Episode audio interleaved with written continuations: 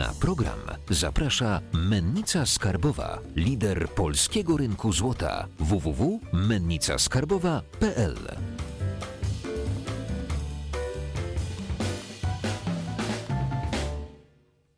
Jacek Jakubiuk, witam na kanale Finansowy Preppers. Cały rok y, męczyliśmy Was o inwestycjach kapitałowych, o oszczędzaniu, o tym, co zrobić z pieniędzmi. Dzisiaj przeniesiemy się w świat taki troszeczkę bardziej duchowy, w kulturę, y, kolekcjonerstwo, sztukę i dlatego naszym gościem jest Agnieszka Gniotek, założyciel, właściciel y, domu aukcyjnego i galerii sztuki Xanadu. Dzień dobry, dziękuję za zaproszenie. Przyniosłem dla Was monety, y, które są kolekcjonerskie, które są w moim jakby zestawie. Agnieszka dzisiaj też opowie troszeczkę o obrazach, o inwestowaniu w dzieła sztuki. I może zacznijmy od tego, bo jakby Wy jesteście przyzwyczajeni trochę do takich finansowych y, treści, więc jakby zaczniemy y, z, y, ze spojrzenia na ten świat kolekcjonerski, na świat sztuki. Czy ten rynek, y, jak sobie radził w tym okresie kryzysowym, jak on się zachowywał? Jakie Ty widzisz spostrzeżenia? Wiesz, to nie wypada może tak powiedzieć, ale dzięki Bogu mamy COVID. E, oczywiście, jeżeli chodzi o takie sytuacje niespodziewane, zaskakujące, kryzysowe, dobra alternatywne to zawsze jest temat e, rosnący w kryzysie. Czyli e, od samego początku, od pierwszego lockdownu, faktycznie rynek sztuki bardzo silnie pnie się w górę i to w wielu obszarach.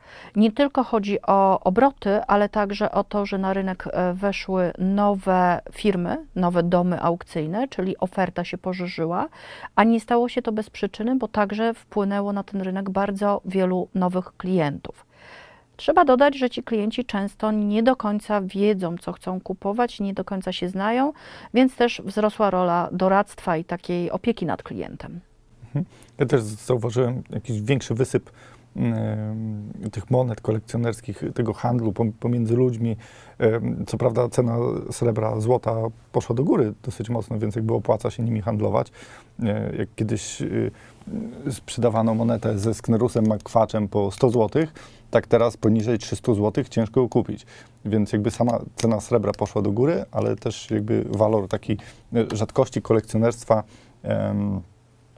wzrósł. Y, Jeżeli chodzi o dzieła sztuki, które, którymi na co dzień się zajmujesz, czy y, prowadząc ten dom aukcyjny widzisz y, wzrost zainteresowania tym rynkiem wtórnym, że dużo obrazów do ciebie gdzieś tam trafia i próbuje wyjść na aukcję, czy bardziej to są y, nowe produkty, które, które teraz się sprzedają w tym jakby trendzie wzrostowym, tak jak mówiłaś? Ja w Xanadu zajmuję się przede wszystkim sztuką artystów żyjących, w związku z czym znacząca część e, prac, które oferuję do zakupu, to są prace, które bezpośrednio pozyskuję od artystów. Ale odpowiadając na Twoje pytanie, patrząc na cały rynek sztuki, tak, e, ten moment, kiedy się, e, kie- kiedy ten rynek sztuki jest dużo bardziej może nie przegrzany, ale gorący, e, dużo bardziej budzuje, e, powoduje, że wiele osób z różnych powodów także chce sprzedać. Chce sprzedać, bo ceny są dobre, chce sprzedać, bo się znacząco skrócił czas wyjścia z inwestycji, chce sprzedać, bo musi, bo kryzys jednych e, dopieszcza, ale drugim też obcina, czyli mamy też część osób, które po prostu mają potrzeby finansowe znaczące w tej chwili. E, I to wszystko powoduje, że nawet kolekcjonerzy, którzy, bo oczywiście na rynek, e, na rynku sztuki wydają pieniądze zarówno osoby, które inwestują, jak i te, które kolekcjonują, jak i takie, które po prostu chcą kupić coś pojedynczo do mieszkania, do wystroju. I tutaj mamy te trzy grupy interesantów przede wszystkim. I teraz, jeżeli mówimy o kolekcjonerach, to bardzo wiele osób, które mówiło jeszcze rok, dwa lata temu, "E, ja już nie chcę, ja już wszystko mam. Ja nie wierzę, żeby już pojawiło się na rynku coś, co mnie tak zainteresuje, żebym znowu zaczął wydawać pieniądze na sztukę. Teraz mówi: OK, pojawiły się takie walory, że ja znowu aktywnie będę kupować. Także tak, takie zjawiska są jak najbardziej. Jeżeli chodzi o, o płynność, bo to jest takie najczęstsze pytanie odnośnie sztuki, że właśnie mamy potrzebę, mamy akurat w tym kryzysie, w tej pandemii nam nie poszło, musimy szybko jakby zdobyć pieniądze. Mm, No okej, no musimy na przykład sprzedać swój ulubiony obraz, bo jakby nie mamy nic innego, co możemy spieniężyć. I co się dzieje z płynnością? Bo ja na przykład, jak y, zauważyłem handlując y, Mm, obserwując ten rynek taki powiedzmy przy handlu produktami inwestycyjnymi w postaci właśnie monet, no to okej, możemy na szybko spieniężyć po cenie kruszcu i ta cena jest, jest bardzo po- jakby biorąc pod uwagę wzrosty, które nastąpiły. Ale z drugiej strony, jeżeli chcemy osiągnąć tą wartość kolekcjonerską, y, to nie możemy tego sprzedać szybko. Y, I przeważnie to się dzieje w internecie, na jakichś aukcjach, forach, y, są grupy na Facebooku, na których to się odbywa. Tylko też mm, dużo osób się na to, powiedzmy, skarży ja też wyprzedawałem trochę rzeczy gdzieś tam na Allegro czy na Facebooku przez grupy. Mm, No i dla mnie to był problem, że y, muszę się użerać z tymi ludźmi, którzy, no ja ci 300 zł nie dam, ja ci dam 290 i o te 10 zł będzie się tam piłował 3 dni.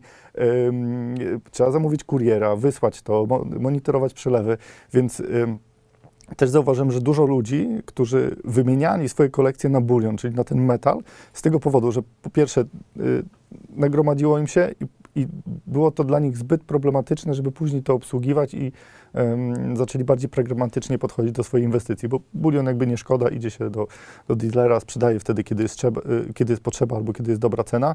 Mm, I, i tutaj widzę minusy przy inwestowaniu w takie właśnie monety kolekcjonerskie.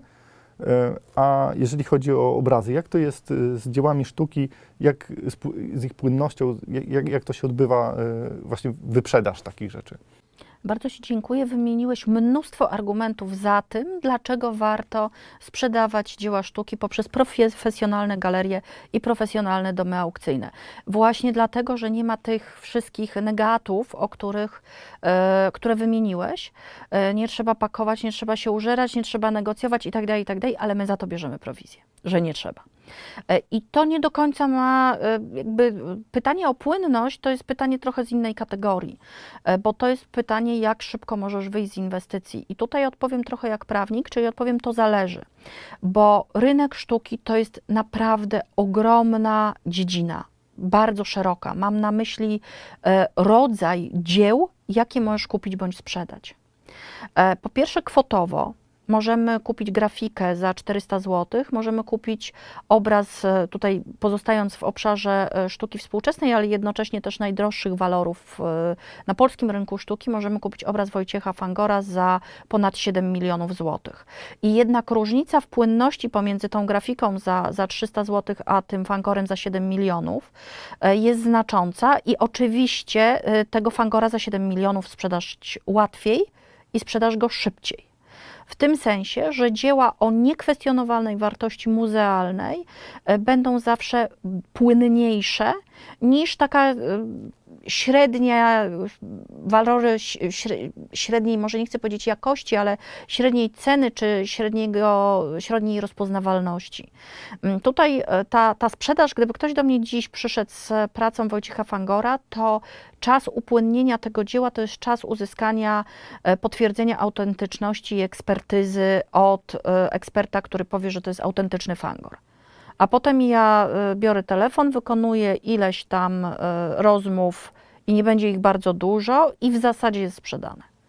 E, Ale ten, jakby tych prac Wojciecha Fangora na rynku nie ma. Czym bardziej nie ma, tym mamy wyższą płynność. Czym e, więcej e, dzieł jakiegoś rodzaju, to niekoniecznie musi być tego samego artysty, jakiegoś rodzaju jest dostępne, tym bardziej musimy poczekać.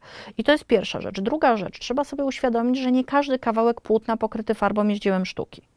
W związku z czym mamy cały obszar, zwłaszcza jeżeli chodzi o artystów żyjących, e, prac, które mają walory dekoracyjne, albo też prac e, ze sztuki, obszaru sztuki dawnej, które możemy powiedzieć, że mają raczej wartość sentymentalną. Nie wszystko ma tą wyjątkową wartość inwestycyjną, tu raczej mówimy o pracach artystów o uznanym dorobku, e, gdzie mamy różne czynniki kształtujące cenę, na przykład fakt, że prace takiego artysty są w kolekcjach muzealnych. No i jeżeli chodzi o tę płynność, to też e, zależy od e, czasu inwestycji, które sobie założymy. I kolejność strategiczna jest taka, że my najpierw e, szacujemy czas, w którym chcemy, czy na który chcemy zainwestować, i do tego dobieramy dzieła sztuki, a nie e, kupujemy dzieła sztuki i się potem bardzo dziwimy, że e, po dwóch latach nie ma dużego przebicia. Okej, czy to znaczy, że nie, jakby jeżeli mamy inwestować w dzieła sztuki, to mamy kupować y, bardzo drogie, żeby mieć płynność, mieć jakby te wszystkie mm, najlepsze, najlepszą wersję inwestycji. Czy, bo mówisz, że jakby wy głównie bazujecie na sprzedaży y, artystów żyjących, Mhm. y, czyli mm, powiedzmy tu o rzadkości trochę jeszcze nie możemy mówić, To Bo- zależy też. bo ktoś może zacząć jakby malować bardzo dużo i jakby jego prace będą ym, bardzo mocno gdzieś tam y, rozdystrybuowane na rynku. Czy jakby dobrze myślę, czy... To nie jest tak dokładnie, bo widzisz, e, to, że artysta dużo maluje, czyli dużo czasu, bo czasami mam takie idiotyczne pytania, jaka jest dniówka artysty, e, ale jeżeli artysta spędza dużo czasu na swojej pracy koncepcyjnej, to nie znaczy, że powstaje dużo dzieł i to nie znaczy też, że te dużo dzieł e, od razu wypływa na rynek. Dobry artysta pracuje na wystawy, na konkursy, to nie znaczy, że on pracuje na sprzedaż. To, że prace powstają, to nie znaczy, że rynek będzie nimi zalany. To jest pierwsza rzecz. Druga rzecz, jeżeli mamy do czynienia z młodym twórcą, który e, wystawia w 10 domach aukcyjnych na aukcjach, e, tych aukcji jest, aukcji młodej sztuki, co miesiąc jest kilka, a bardzo często kilkanaście, e, dodając do tego aukcje internetowe kilkadziesiąt, to faktycznie, jeżeli taki artysta maluje jakby od aukcji do aukcji, żeby tylko wystawić na aukcję, to nie są to walory inwestycyjne.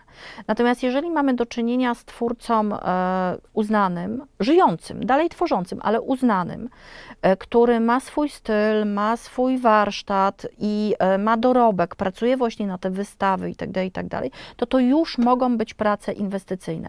Czyli jeżeli, czy kupujemy, czy dobrą inwestycją są prace najdroższe? Tak, w danym segmencie.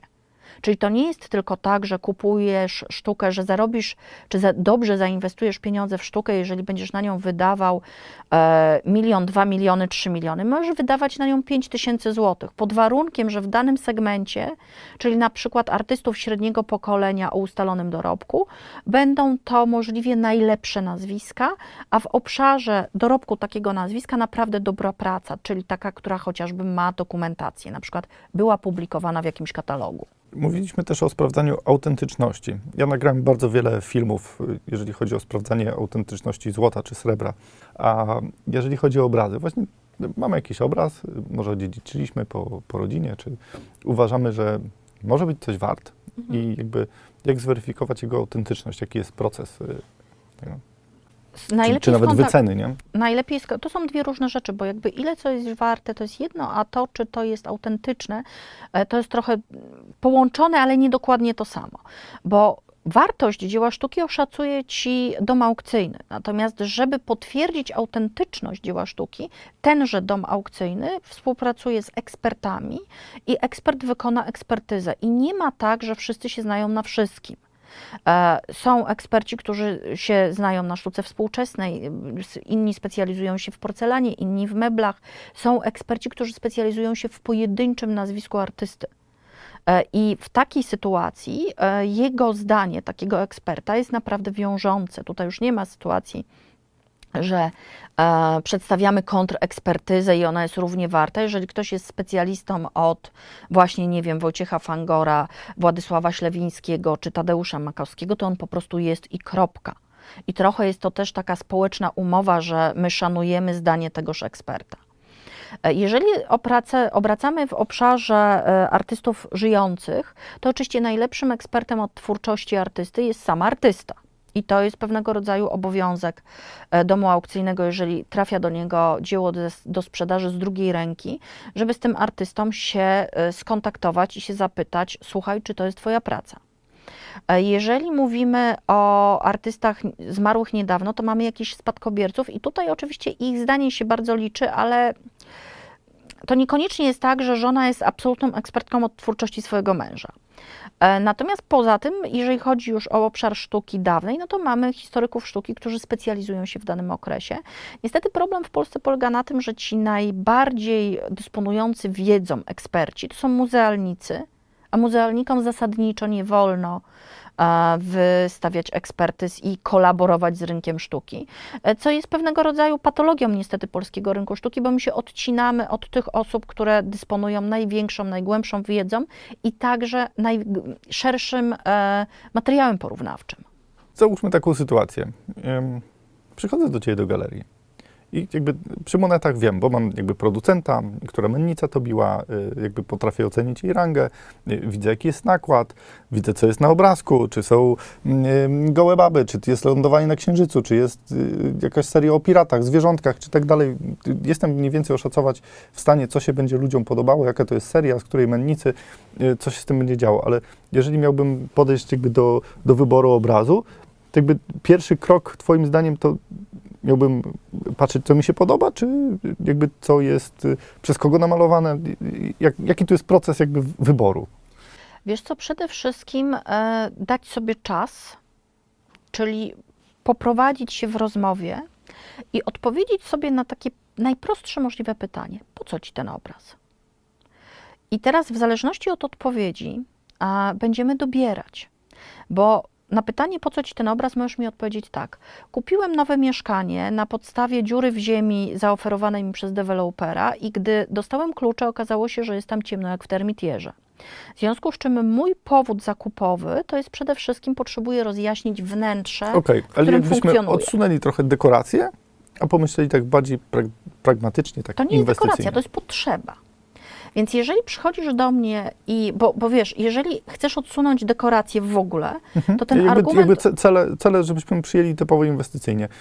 To Chcę, chcę sobie to powiesić gdzieś, gdzieś na ścianie, yy, może żeby tam jakby wisiało i no, ładnie by wyglądało, ale jakby z drugiej strony chciałbym jakby y, też na tym zarobić. Chciałbym po- podejść do tego tak typowo inwestycyjnie. Więc jeżeli mamy patrzeć wyłącznie inwestycyjnie, to naprawdę nie ma znaczenia, czy ta praca ci się podoba. Okej. Umówmy się, że jeżeli jednocześnie chciałbyś to powiesić na ścianie, to macie nie wkurzać. Po prostu masz dać Dobra. radę z tym funkcjonować. Kropka. E, oczywiście tutaj też w, w, w, ja, ja wykonam taką jednozdaniową wycieczkę e, w kierunku marketingu kolekcji i w ogóle budowania kolekcji i tego, że to powieszenie na ścianie, na przykład w Twojej firmie, może spowodować pewnego rodzaju rośnięcie na wartości tej pracy. Ale to jest na zupełnie odrębną rozmowę. Natomiast jeżeli e, chcesz kupić, aby zainwestować, czyli chcesz kiedyś z tej inwestycji wyjść, to zaczynamy rozmowę od pytania kiedy. E, I zaczynamy też e, rozmowę od pytania o strategię, to znaczy, czy ty chcesz kupić jeden obraz, czy ty chcesz wejść w proces inwestycyjny, bo to są Na te- razie chciałbym kupić jeden i chciałbym to w perspektywie 10-20 lat upłynnić. Na przykład. Okej, to powiesz mi, ile masz na to, bo tutaj to już jest tak strasznie w Excelku jesteśmy, że po prostu powiedz, ile masz, a ja dopasuję Okej, dzieło do no po- budżetu. po- Powiedzmy y, stówę, ale nie muszę przeznaczyć całości. To w takim wypadku ja na przykład rekomendowałabym twórczość artystów żyjących albo niedawno zmarłych, ale raczej żyjących i to będzie bardzo brutalne, ale takim na takiej ostatniej prostej, czyli oni są jeszcze z nami, oni jeszcze tworzą, ale wiadomo, że no, mm, nikt nie jest wieczny, Okej. E, mają bardzo ustalony dorobek. Co to oznacza? To oznacza, że mają w dorobku nagrody w prestiżowych konkursach, że mają e, wystawy w bardzo dobrych galeriach, że byli przez znanych kuratorów, najlepiej także zagranicznych, zapraszani do poważnych e, projektów kuratorskich, wystaw problemowych, że ich prace są w e, kolekcjach muzealnych. I teraz tak, jak chcesz wydać całą stówę, to dobrze by było, żeby były w kolekcjach muzealnych na wystawie stałej, czyli idziesz do Narodowego w Krakowie, patrzysz, jest, wisi. Jeżeli chcesz trochę przeoszczędzić, jednak nie wydać tej stówy w całości, to może się okazać, że te prace mogą już też być także w muzealnych magazynach, ale tych kolekcji ileś tam, mm, tam muzealnych jest zaliczonych, tak? Tych kolekcji w Polsce liczących się jest, tak, jeżeli mówimy o obszarze sztuki współczesnej, e, publicznych kolekcji jest tam 7 czy 8, więc to też jest mm, dość skończona liczba. E, I w takim wypadku za 20 lat, jeżeli nie okaże się, że stało się coś mega nieprzewidywalnego w postaci na przykład odkrycia po śmierci em, faktu, że w pracowni artysty było 200 niesprzedanych obrazów, a spadkobierca był niemądry i wszystkie w jednym momencie wypuścił na rynek, co się bardzo rzadko zdarza, bo w takiej sytuacji zwykle interweniuje dom aukcyjny, kupuje całość i jakby sączy to w umiejętny sposób. Mm, ale z wyjątkiem jakiejś takiej no, naprawdę mega wtopy, wychodzisz po 20 latach z tej inwestycji z bardzo dobrym przebiciem. Jakim? dokładnie ci nie powiem, bo to jest trochę jak ze złotem i, czy, czy, czy z monetami. Jakby są hossy, bessy, lepsze koniunktury, gorsze ko- dekoniunktury. E, możemy przyjąć, że wychodząc z tej inwestycji nie będziesz musiał. W związku z czym będziesz mógł wyczekać dobrego momentu. I bez wątpienia będzie to znaczące przebicie, czyli mówimy o jakichś nawet, nie wiem, 100-200%, czasami 400%. Trochę zależy też od nazwiska, od tego, jaka praca została wykonana na tym samym finiszu. Tak, artysta umiera albo tuż przed śmiercią. To jest tak, taki niefajny moment na rynku sztuki, my już wiemy, że on jest chory. I muzealnicy już też wiedzą, że on jest chory. I oni by chcieli mu na tym ostatniej prostej zrobić dużą wystawę. To była taka sytuacja, ogromna wystawa mon, y, monumentalna Edwarda Dwórnika w Muzeum Narodowym w Krakowie, za życia artysty. Ale w zasadzie wszyscy już wiedzieli, że, no, że cudów nie ma, tak? Więc jeżeli faktycznie ten, ten, element, który spoza rynku sztuki można nazwać elementem marketingowym, czy, czyli ta, ta duża wystawa, te duże publikacje, to się zadzieje, to może być nawet bardzo duże przebicie. Tak patrzę na tą monetkę, bo ona jest pokryta patyną z jednej Mhm. strony, z drugiej strony jest całkiem ładna jeszcze, całkiem ładnie Mhm. się zachowała. Y, Srebro ma coś takiego jak patynę, można ją uszkodzić, można ją zniszczyć. Czy często się zdarza, że prace czy obrazy, które kupują u ciebie ludzie, y, coś się z nimi dzieje? Jakiś ząb czasu daje o sobie znać? To nie, zwykle nie jest ząb czasu, jeżeli coś daje o sobie znać, to głupota ludzka e, albo e, głupoty, to znaczy e, tak zwana siła wyższa.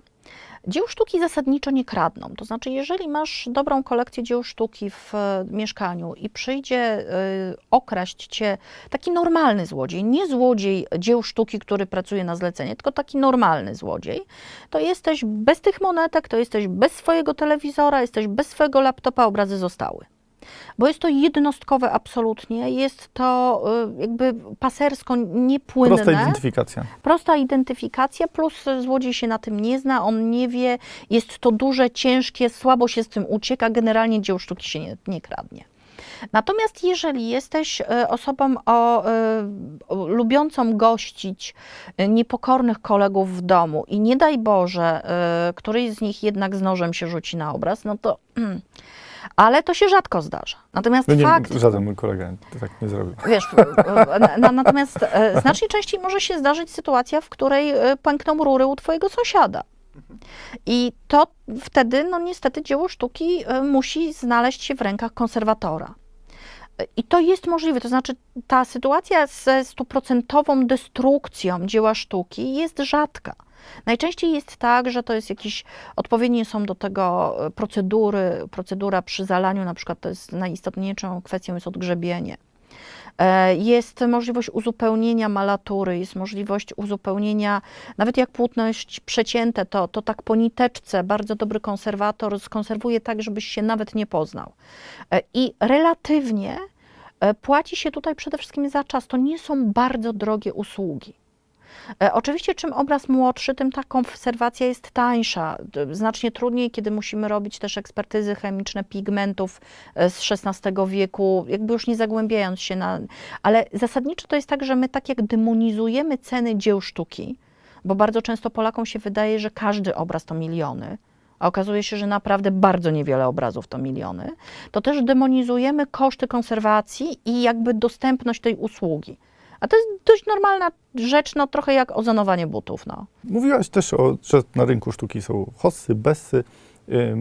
Co powoduje, że na rynku obrazów na przykład jest bessa? W zasadzie na rynku dzieł sztuki bessy nie ma nigdy. Takiej bessy, którą my rozumiemy giełdowo. Y, Czarny piątek, tak? Y, Nie wiem, szara środa. P- Wszystko spadło, tak? Wszystkie indeksy nagle, ten pomór samobójstwa w Stanach Zjednoczonych i tak dalej. Nic takiego nigdy na rynku sztuki się nie zdarzyło. E, I w ogóle na rynku dóbr alternatywnych. Tutaj nie ma takich wstrząsów, jak ktoś poszukuje emocji, to nie tutaj. To znaczy, owszem, emocje są na aukcjach, ale nie właśnie w tych spadkach. Natomiast co to znaczy bessa, czy mm, właśnie nie lubię używać słowa bessa, dekoniunktura to jest może lepsze słowo na rynku sztuki. To jest spowolnienie. To jest sytuacja, w której, bo ceny na rynku sztuki nigdy nie spadają, na te dobre walory nie spadają naprawdę nigdy. Natomiast są problemy z płynnością, czyli relatywnie jest mniej osób na rynku, klientów potencjalnie zainteresowanych zakupem, jest mniejsza płynność, czyli muszę poczekać, żeby sprzedać, e, ale to jest też tak, że my, czyli domy aukcyjne i galerie, jesteśmy pewnym regulatorem cen. My nie, jakby nie doprowadzimy do tego, że te ceny spadną. My po prostu będziemy musieli trochę zacisnąć pasa, bo to przede wszystkim e, my, pośrednicy, obrywamy. My mamy koszty stałe i one są średnio zaspokajane w takich momentach, natomiast wszyscy poczekają. No i też jest taka zasada, że jeżeli masz naprawdę coś super ekstra, to sprzedaż w każdym czasie. Przyszłaś dzisiaj do nas z dwoma obrazami i tak chciałem, żebyśmy może na przykładzie ocenili, jak się wycenia wartość. Jakby z mojej perspektywy, takiego obserwatora, który się nie zna na obrazach, jakby ta czarna dziura mnie nie przekonuje, a y, ten obraz, na nim się coś dzieje. Jest nawet widać takie y, fałdy z, y, z farby, tak, takie, takie bruzdy, które, które jakby powodują, że on jest nawet taki w, trójwymiarowy, jest taki przestrzenny. Oceniam, że ten jest większy, jest bardziej kolorowy, więcej się na nim dzieje, więc powinien być warty więcej niż ciemna dziura. Czy jakby, w, jaki sposób ty wyceniasz obrazy, albo rynek jak wycenia obrazy? Jak mówić w ogóle o wartości dzieła? E, Ta Twoja analiza jest dokładnie odwrotna, to znaczy absolutnie wszystko się nie zgadza. Okej. E, I tak jak e, powiedziałeś wcześniej, że przychodzisz do mnie do galerii i chciałbyś zainwestować, zainwestować, nieważne co ci się podoba. I fakt, że tutaj jest I, tak, I mam mnie nie denerwować, nie? Ta Tak, dziura tak, mogłaby tak, mi przeszkadzać, tak. bo... Więc jeżeli interesuje Cię to, że ten, na tym obrazie jest taka tekstura, że jest kolorowy, że to nie jest kryterium. To jest kryterium, jeżeli chcesz dobrać coś, co Ci się podoba do salonu i jedynym Twoim, czyn, jakby jedynym czynnikiem wyboru jest, bo dobrze się czuję w otoczeniu tego typu sztuki. Bo nie wiem, poszukuję jakiegoś doładowania energetycznego i ten obraz spełnia moje oczekiwania w tym zakresie. I to je wtedy będzie ok. Natomiast inaczej się kupuje pracę, która kosztuje 1000, 2, 3 tysiące złotych, a inaczej się kupuje prace, które są już zdecydowanie droższe. Jeżeli rozmawiamy o inwestycji, to ja nie, że nie bez powodu przyniosłam tutaj dwie prace. W obu przypadkach są to prace artystów żyjących i w obu przypadkach te prace są e, o bardzo podobnej tematyce. To znaczy i jeden i drugi to jest praca o świetle i o e, pewnego rodzaju wpisaniu światła w architekturę. I tyle o estetyce, a teraz przejdźmy do konkretów. Pierwsza praca, czyli ta, którą nazwałeś większą, to jeszcze zróbmy dygresję, że naprawdę wartość sztuki nie zależy od centymetra bieżącego. E, To jest inaczej niż z kruszcem. To nie jest tak, że ta twoja monetka tutaj, której nie byłam w stanie wcześniej podnieść, e, która waży kilogram, bez wątpienia e, nawet dla laika będzie więcej warta niż taka moneta, która waży pewnie ile? 100 gram? Coś Uncję. takiego? Czy uncję? 31,1, ale już y, jakby uncja złota będzie No tak. więcej warta. Tak, tak. No, ale w, ka- w, ka- w każdym razie kruszec można jakoś porównywać jednak na wagę, obrazów na centymetry bieżące zasadniczo nie. I teraz tak, co wpływa na cenę dzieła sztuki? Tutaj specjalnie, tak jak mówię, e, i jedna i druga autorka, bo ma dwie kobiety, e, maluje rzeczy, które dla ogromnego laika mogą być gdzieś podobne i obie panie żyją, więc gdzieś jesteśmy w obszarze sztuki współczesnej artystów żyjących. E, W jednym przypadku mamy do czynienia, ta czarna dziura, która cię nie przekonała, e, z profesor Ewą Zawadzką, autorką, która w tej chwili, Ewa wybacz, ma 72 lata. O kobietom się nigdy nie mówi tych rzeczy, ale w wypadku wyceny dzieła sztuki ten dorobek jest istotny. Mm, Jest autorką, która ma ogromny, doro ogromny dorobek wystaw indywidualnych, także wystaw zbiorowych.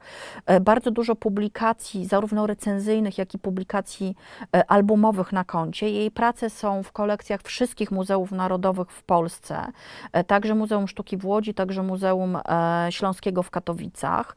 Dwa lata temu, ponieważ Ewa poza malarstwem zajmowała się, teraz już tego nie robi, choć twierdzi, że wróci, ale zajmowała się też grafiką.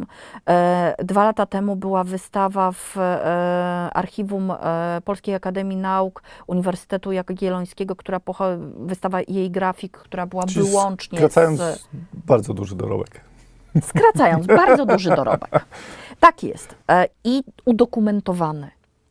Natomiast druga, druga autorka, Magdalena Barczyk-Korus, jest autorką, która skończyła uczelnię wyższą, jak sprawdzałam dzisiaj, e, w 2008 roku, czyli te, jest już jakaś przestrzeń e, 10 lat mniej więcej, e, gdzie, gdzie była ta postudencka aktywność i analizując tę Ale aktywność... 40 lat mniejsza mniej więcej. To jest jedna rzecz, ale druga rzecz też analizując tę aktywność, bo to nie tylko i wyłącznie tak jak nie na centymetry, to także nie na taki e, bezwzględny czas. To nie jest tak, że artysta w- po 70 zawsze będzie droższy od tego po 30. To też nieprawda. E, Też e, Magda ma też dużo e, w dorobku, w sensie ilościowym, wystaw, e, jakichś nagród, ale jakościowo to już tak nie wygląda. To znaczy, Ukończyła Akademię Częstochowską, generalnie wystawy ma głównie lokalnie w Częstochowie. Nagrody owszem, ale w konkursach częstochowskich. E, To nie są żadnych prac w zbiorach muzealnych, żadnych publikacji, jakby nie ten porównywalnie level. I jedna i druga praca jest ciekawa. I jedna i druga praca jest e, estetycznie dla kogoś intrygująca, może chcieć z nią mieszkać. Tylko z, właśnie z powodu tej różnicy dorobkowej. Ta mniejsza praca to jest w tej chwili około 7 tysięcy złotych, a ta większa praca to jest licytacja na aukcjach młodej sztuki od 1000 złotych. Najprawdopodobniej cena osiągnięta będzie około dwóch. Czyli e, szczerze powiedziawszy też, jak musimy sobie też powiedzieć, że sztuka polska jest po prostu tania. Dlatego, że e, autorka o takim dorobku jak profesor Ewa Zawadzka, to jest profesor nie tylko akademicki, też belwederski itd., itd., e, jej prace powinny być dużo droższe. Gdyby była profesorką niemiecką, to naprawdę, ja jeżdżąc na targi na przykład mam taki problem, że polscy profesorowie, których tam pokazujemy, bardzo często są w cenie niemieckich studentów. I kiedy kolekcjoner niemiecki przychodzi do mnie na stoisko i patrzy na cenę, a ceny muszą być wszędzie takie same, zwłaszcza już w dobie internetu, to ma taki dysonans poznawczy pomiędzy tą biografią a tą kwotą. Ale jeżeli operujemy na rynku polskim, e, to jeżeli patrzymy na to procentowo, to jedna praca w stosunku do drugiej jest droższa jakieś tam trzykrotnie. Ale to jest tak? dlatego, że jakby portfel Polaka jest mniejszy, czy bardzo mało ludzi kupuje sztukę? Wiesz co, to jest w ogóle na oddzie- pytanie na odrębny program. Tutaj bardzo mocno się trzeba zagłębić w kwestie historyczne. Okej. E, Brak Znaczy, klasy to- to- to średniej już od to XVI to wieku. Może byśmy to spuentowali tak, że y, dużo y, właśnie handmade'ów takich, y, które jest robione, jest sprzedawane właśnie do, na zachód, bo tam jest, Nie, za, za, to, za to ludzie płacą więcej, o wiele więcej. Miałem znajomych, którzy robili właśnie, czy jakieś notesy ze skóry. Handmade'ów, tak. To Tak, tak, być- tak, tak, mówię- jakby w mówię, tym mhm. sektorze tak, rzemiosło, ciekawe, dobre y, rzemiosło, A w, design. po, w Polsce nie byli w stanie się z tego utrzymać i jakby y, to, to chyba jakby skracając tą historię możemy to tak Jeżeli chodzi o sztukę, najdroższa jest w, w kraju swojego pochodzenia. Ten rynek jest jednak dość globalny. To tak nie działa. To znaczy, to nie jest tak, że y, angielscy kolekcjonerzy namiętnie kupują polskich artystów. Nie, angielscy kolekcjonerzy namiętnie kupują angielskich artystów, czy, czy takich artystów na, na, na poziomie światowym. Też trzeba pamiętać, że rynek sztuki w Polsce to y, ma 30 lat. Nie było w, w okresie komunizmu nie było wolnego rynku sztuki. To było absolutnie regulowane. Było jedno przedsiębiorstwo, które było predestynowane do sprzedaży sztuki wszelkiej, czyli od e, mebla poprzez e, sztukę dawną do sztuki współczesnej. E, A w ogóle posiadanie obrazów było takie, wiesz, no, niepoprawne politycznie. Jeszcze byś się okazało, że masz jakiegoś szlacheckiego przodka. To złoto też mniej więcej od kilkunastu lat wraca jakby do, do łaski, sobie o nim przypominamy. Więc miejmy nadzieję, że ta, te dwa rynki będą szły mocno do przodu w najbliższych y, latach. Na pewno rok do roku rynek sztuki rośnie. Trzeba sobie powiedzieć, oczywiście teraz w pandemii te wzrosty są kolosalne. To znaczy, na przykład pierwszy kwartał 2021 w stosunku do pierwszego kwartału 2020, gdzie e, to, to nie był zły kwartał, mimo że się zaczynała pandemia, to nie był zły kwartał. Wzrost jest 72,5%. E, Weszli nowi klienci, są wyższe ceny, ale przede wszystkim ilościowo jest dużo więcej sprzedaży. Jak nastąpi to spowolnienie, to oczywiście nastąpi korekta ilości klientów też. Natomiast rynek, odkąd się pojawił wolny rynek sztuki w Polsce, rok do roku rośnie, co nie jest trudne, bo startowaliśmy od zera. Natomiast zasadniczo my też coraz jesteśmy bardziej świadomi tego, żeby jakoś opiekować się swoimi pieniędzmi. Na koniec odcinka mamy taką tradycję, że każdy z gości daje dla naszych finansowych prepersów złotą myśl. Kamera jest Twoja. Zapraszam. taka rada ogólna to jest spróbujcie pomyśleć, czy chcecie zacząć inwestować w sztukę. Nie mówię, żebyście wyciągali od razu pieniądze. Mówię o tym, żebyście się zastanowili, bo jeżeli chcemy inwestować na jakimkolwiek rynku, to należy się trochę na nim znać. Nie musicie znać się na sztuce, ale fajnie by było choć trochę znać się na rynku sztuki. Jeżeli chcemy zacząć kupować na giełdzie akcje browaru, to nie musimy znać się na produkcji piwa, ale powinniśmy znać się na giełdzie. Dlatego dobrze jest trochę poczytać, trochę posłuchać e, o tym, jak funkcjonuje rynek sztuki, bo może się okazać, że to jest dla Was, że to jest coś, co e, nie tylko daje Wam ochronę kapitału czy pewien zysk inwestycyjny, ale też przyniesie fan radość albo nawet stanie się narzędziem promocji Waszej firmy, budując kolekcję firmową, czy budując waszej, Waszą markę osobistą e, poprzez właśnie bycie kolekcjonerem. Ale najpierw, zanim będę zachęcała do wydawania pieniędzy, to zachęcam do tego, żeby sprawdzić, czy to w ogóle jest dla Was, czy Was to kręci, bo dobra inwestycja musi nas też trochę jarać. Ja chyba zaproszę znowu jakiegoś doradcę podatkowego i sprawdzimy, czy da się dzieła sztuki wrzucić w koszty, jak mówisz o inwestycji firmowej. E, Oczywiście, wam, że się da. dziękuję I wam, możemy o tym porozmawiać. Dziękuję Wam bardzo za dzisiaj. Dajcie łapkę w górę, zasubskrybujcie kanał, dzwoneczek i e, napiszcie w komentarzu, co myślicie o rynku sztuki i rynku produktów kolekcjonerskich. Zapraszam Was też do zapisania się do grupy na Facebooku, w której toczymy bardzo mocne dyskusje na właśnie te tematy, które przewijają się w odcinkach. Dziękuję Wam bardzo. Dzięki, cześć.